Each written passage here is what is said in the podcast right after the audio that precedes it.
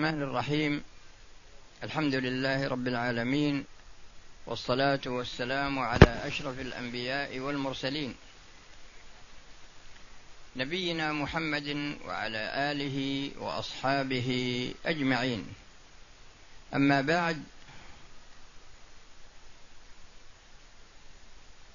فإن الكلام لا يزال متصلا على قوله جل وعلا إن هذا القرآن يهدي للتي هي أقوم ويبشر المؤمنين الذين يعملون الصالحات أن لهم أجرا كبيرا وأن الذين لا يؤمنون بالآخرة أعتدنا لهم عذابا أليما وسبق الكلام على الوسائل التي تساعد على فهم هذه الهداية. وسبق أيضا الكلام على أن القرآن يضاف إليه السنة أنه مبني على جلب مصالح العباد في الدين والدنيا والآخرة. وسبق الكلام على أيضا على أن من وجوه هداية القرآن دلالته على أن هذه الشريعة عامة للإنس وللجن.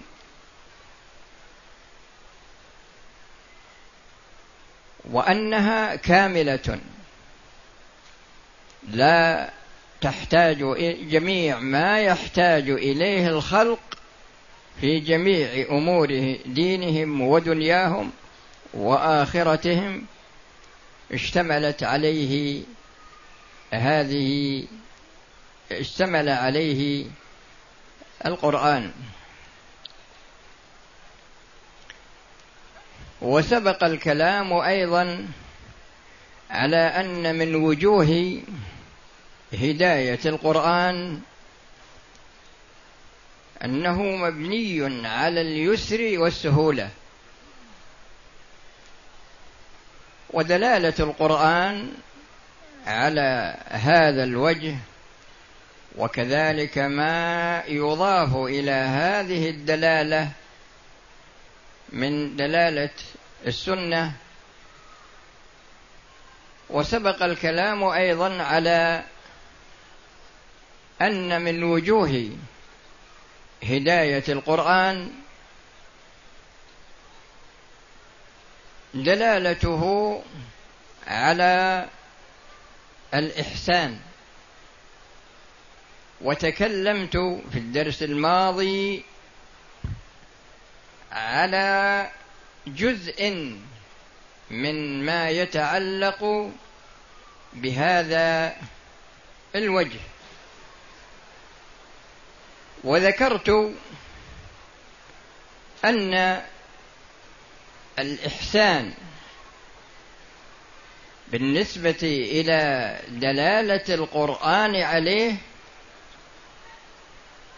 وأن هذا وجه من وجوه هداية القرآن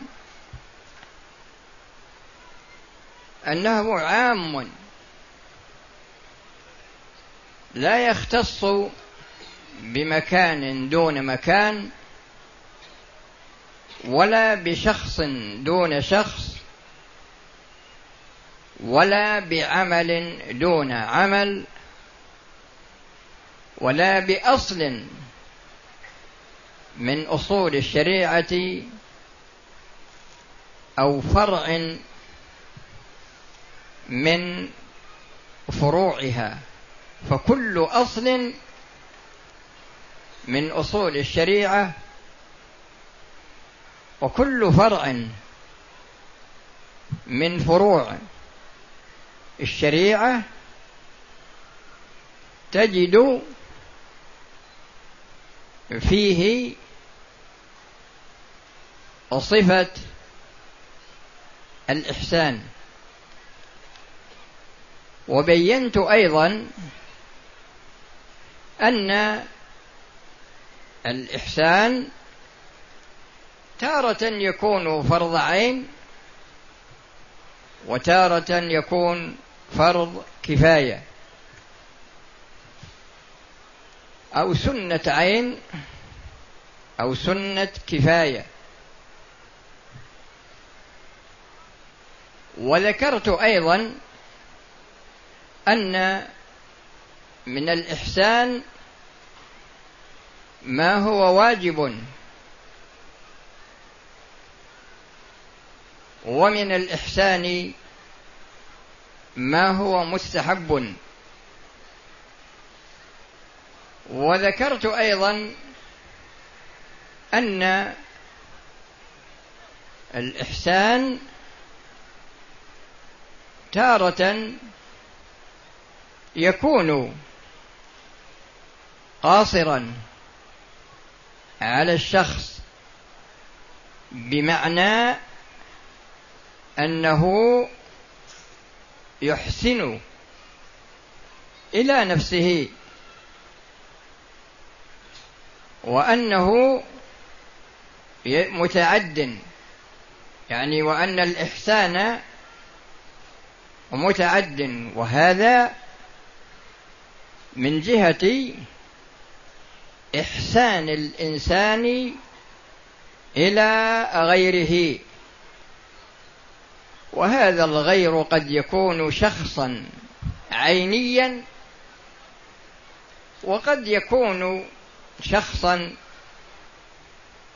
اعتباريا. وبينت أيضا أن الإحسان على جهة التفصيل يدخل في باب التوحيد وما يضاده ويدخل في باب الكفر وما يضاده ويدخل في باب النفاق وما يضاده. يعني يدخل في علم العقائد. ويدخل في باب أركان الإسلام. يدخل في باب أركان الإسلام. ويدخل في باب المعاملات المالية. ويدخل أيضا في باب عقود التبرعات. ويدخل في باب الأحوال الشخصية. من الميراث والنكاح والطلاق وما يتبعها من الأبواب. ويدخل أيضا في باب الجنح والتعازير يعني الحدود وما يتبعها من آه، التعازير ويدخل في السياسة الشرعية وهي باب القضاء وما يتعلق به من من وسائل الإثبات التي يستخدمها القاضي أو وسائل الإثبات أو الإعجاج التي تستعمل في هذا الباب. ولا فرق في ذلك بين ما كان من السياسة العامة من تصرفات ولي الأمر أو كان من سياسة القضاء أو كان من سياسة الإفتاء أو غير ذلك مما تتطلبه مصلحة الأمة.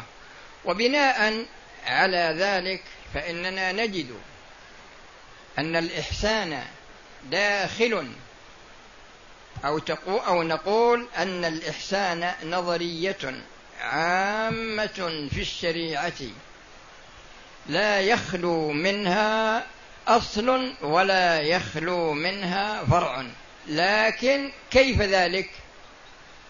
هذا هو ما سأتكلم على جزء قليل منه وسأرجئ الكلام على بقيته في الدروس القادمة.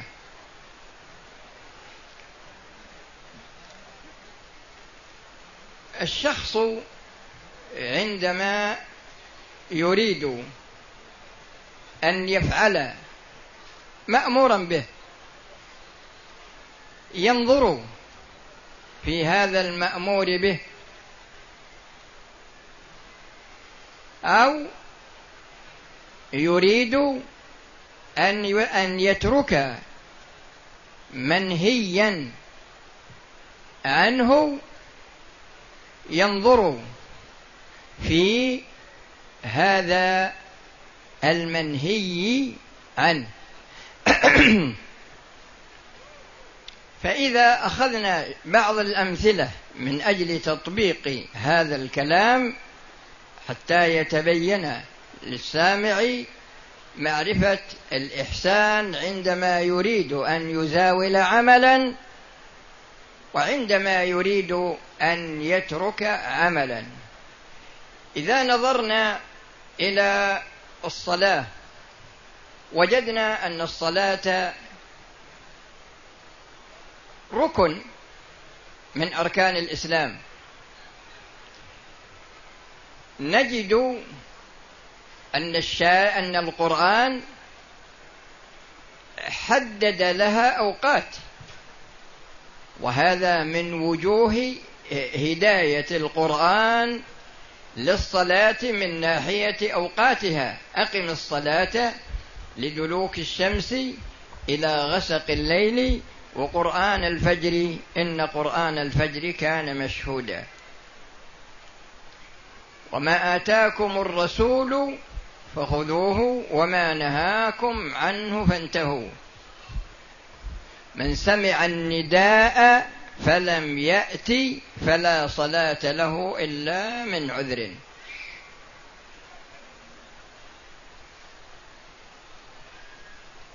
في الآية في الآية السابقة فيها تحديد الأوقات.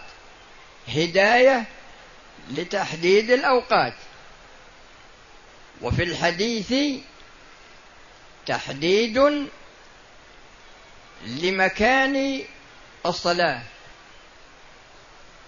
ولها شروط.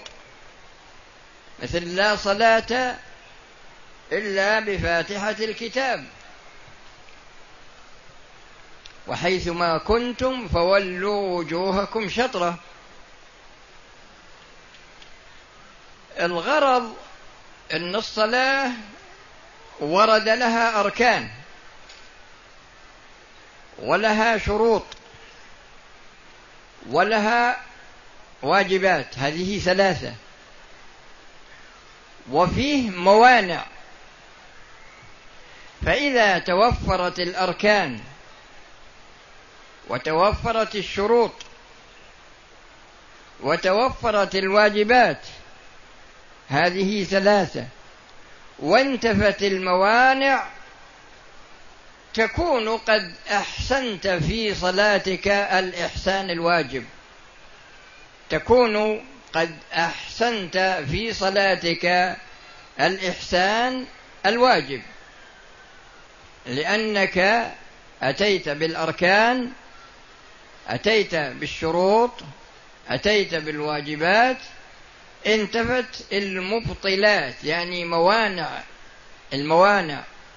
مثل ما إذا مثل ما إذا صلى الإنسان على غير طهارة صلى إلى غير القبلة صلى ولم يقرأ فاتحة الكتاب إلى غير ذلك مما يحصل فيه خلل بالركن أو خلل بالشرط أو خلل بالمانع. أو خلل بالواجب. فأنت إذا أديت الأركان والشروط والواجبات وانتفت الموانع تكون قد أديت هذه الصلاة أداء حسنا يعني أنك محسن في صلاتك.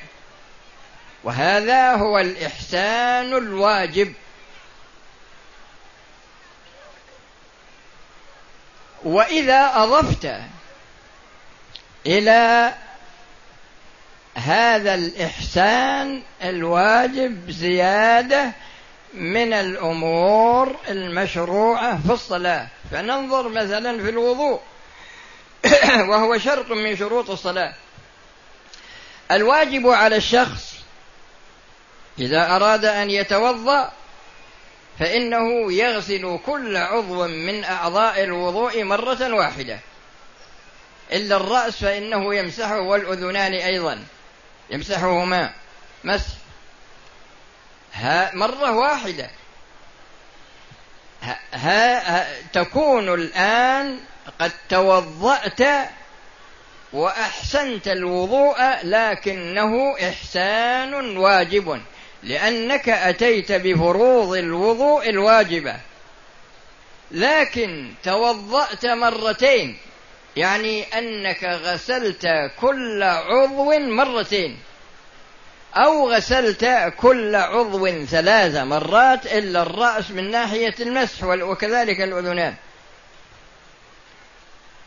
فإن الرسول صلى الله عليه وسلم توضأ مرة مرة وهذا هو الإحسان الواجب. وتوضأ مرتين مرتين وتوضأ ثلاثا ثلاثا وتوضأ في بعض الأحو... في بعض الأحيان يغسل عضوا مرة واحدة ويغسل عضوا آخر مرتين ويغسل عضوا آخر ثلاث مرات. المهم هو أن ما زاد على الواحدة هذا يكون من الإحسان المستحب. يكون من الإحسان المستحب. هذا بالنظر إلى الإحسان في الوضوء. الغسل عندما ينوي الإنسان ويسمي ويعمم الماء على جميع جسده يكون قد قد أتى بالغسل. الواجب يعني أحسن في غسله الإحسان الواجب. لكن عندما يأتي بالغسل الكامل. ما هو بالغسل المجزئ؟ يأتي بالغسل الكامل.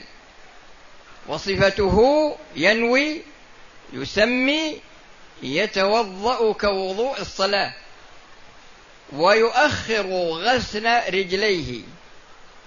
ثم بعد ذلك يغسل الشق الأيمن الشق الأيسر ثم يفيض الماء على سائر جسده. وبعد ذلك يغسل الرجل اليمنى ويغسل الرجل اليسرى. يكون بهذه الصفة قد أتى بالغسل وأحسن فيه الإحسان الواجب وأتى بالغسل وأحسن فيه الإحسان المستحب. ومشروعية الإحسان المستحب هو من يعني مشروعية الإحسان المستحب من أجل حماية الإحسان الواجب لا يحصل فيه نقص. ولو حصل نقص فإنه يكمل يوم القيامة يكمل الإحسان الذي نقص عندما ينظر الله إلى العمل إذا إذا قصر الشخص في الإحسان الواجب عليه وكان له إحسان مستحب من جنس ذلك العمل فإن الله سبحانه وتعالى يجبر ما نقص من الإحسان الواجب يجبره من الإحسان المستحب. وهذا جار في جميع الشريعة. فهذا إحسان واجب ومستحب في الوضوء وإحسان واجب ومستحب في الغسل. نأتي إلى الصلاة. إذا صلى الإنسان في بيته.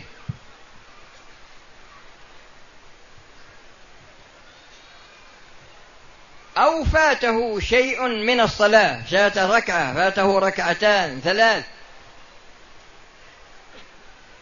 في هذه الحالة طبعا لا يكون له عذر شرعي. في هذه الحالة يكون قد ارتكب إخلالا في الإحسان الواجب لأن الإحسان الواجب تأتي إلى الصلاة وتدرك مع الإمام تكبيرة الإحرام تدخل معه في أول صلاته وتستمر لكن عندما يصلي الشخص في بيته يكون قد أخل بالإحسان الواجب. وهكذا عندما يحصل نقص في صلاته قد يكون هذا النقص مبطل للصلاة كما إذا صلى ولم يقرأ فاتحة الكتاب. أو صلى إلى غير القبلة أو صلى وليس عليه سترة مع قدرته عليها. إلى غير ذلك من يعني حصول خلل في ركن حصول خلل في شرط من الشروط حصول مثلا ترك واجب من واجبات الصلاة عمدا.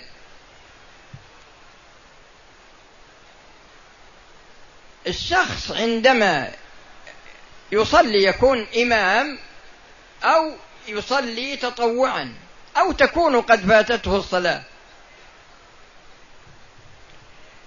صلاته هذه هو مطالب بأن يحسن فيها الإحسان الواجب.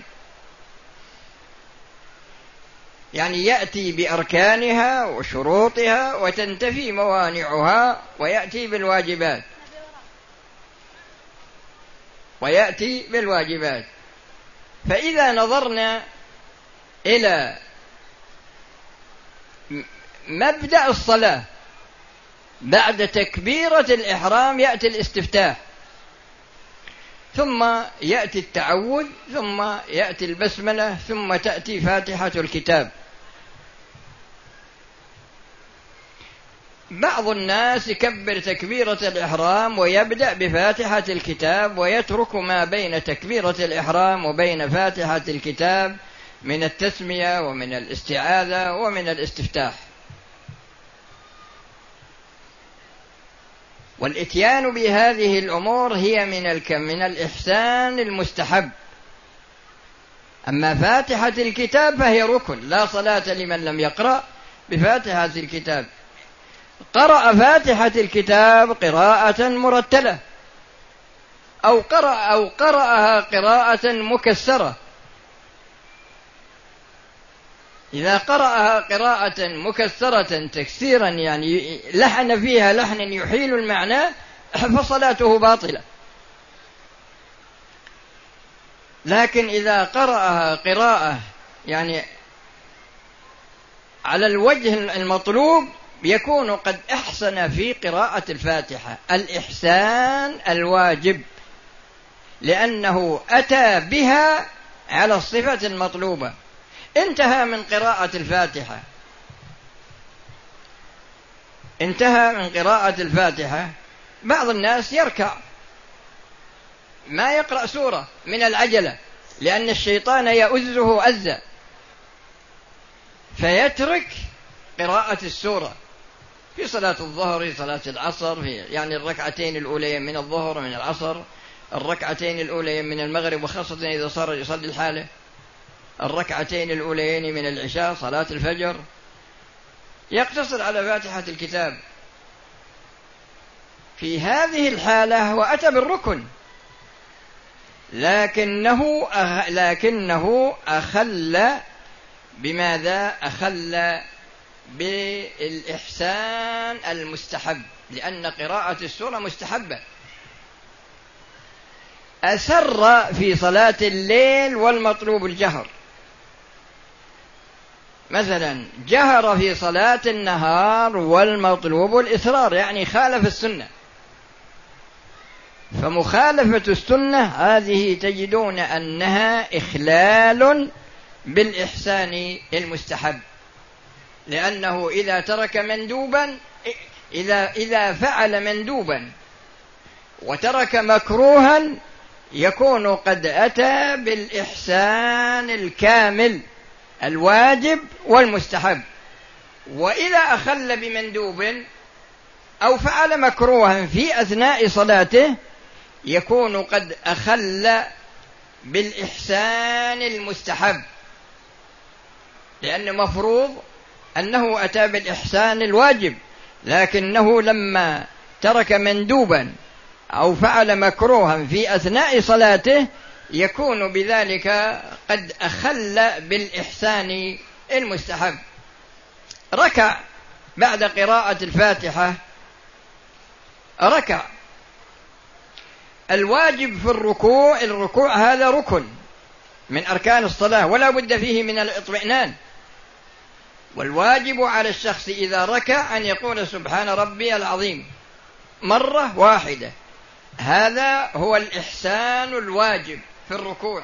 ففيه اطمئنان وفيه قول سبحان ربي العظيم مرة واحدة. هذا هو الإحسان الواجب. لكن قال سبحان ربي العظيم مرتين.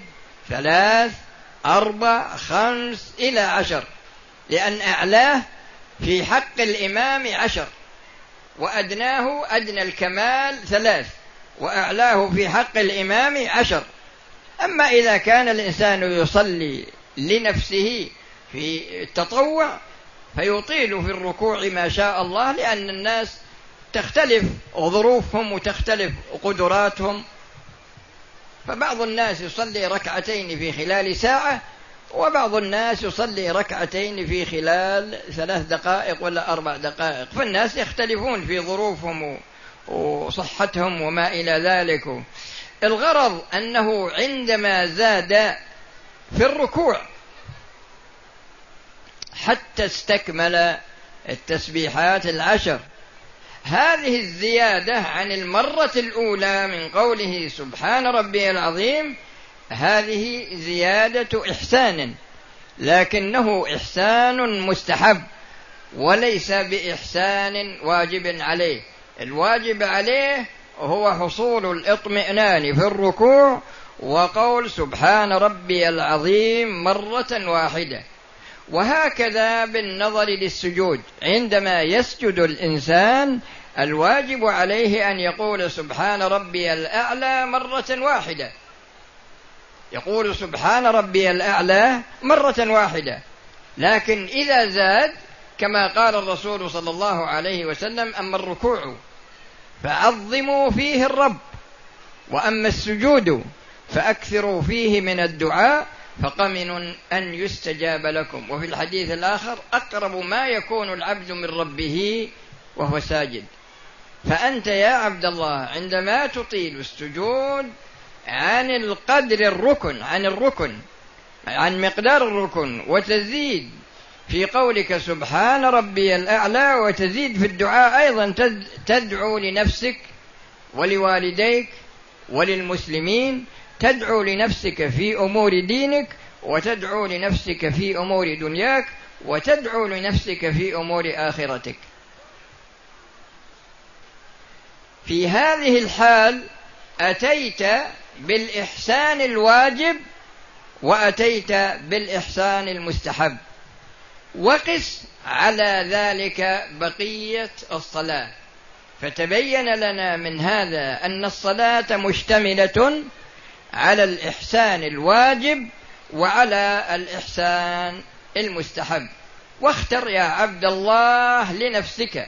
هل تقتصر على الإحسان الواجب فقط أم أنك تزيد هذا الإحسان بإحسان مستحب وذلك من أجل كثرة الثواب؟ هذا من جهة. ومن جهة ثانية أنه حماية للواجب. ومن جهة ثالثة أنه وسيلة من وسائل تكميل ما قد يحصل من نقص في الواجب وأنت لا تشعر به. هذا من جهة الصلاة يعني باعتبار دخول الإحسان الواجب فيها والإحسان المستحب. وهكذا بالنظر إلى النوافل المنفصلة مثل التطوع الرواتب التي بعد الصلاة هي ليست بواجبة على الشخص. أربع ركعات قبل الظهر وأربع ركعات بعدها وكذلك لو صلى قبل العصر كما قال صلى الله عليه وسلم رحم الله امرأ صلى قبل العصر أربع ركعات لكنها ليست براتبة. وكذلك راتبة المغرب ركعتان بعدها راتبة العشاء ركعتان بعدها وراتبة الفجر ركعتان قبلها. فهذه رواتب. إذا أتيت بها تكون قد أتيت بالإحسان المستحب. بالإحسان المستحب. أضف إلى ذلك صلاة الضحى. أضف إلى ذلك صلاة الليل. وأضف إلى ذلك صلاة الوتر. وأضف إلى ذلك باب التطوع العام لأن في بعض الناس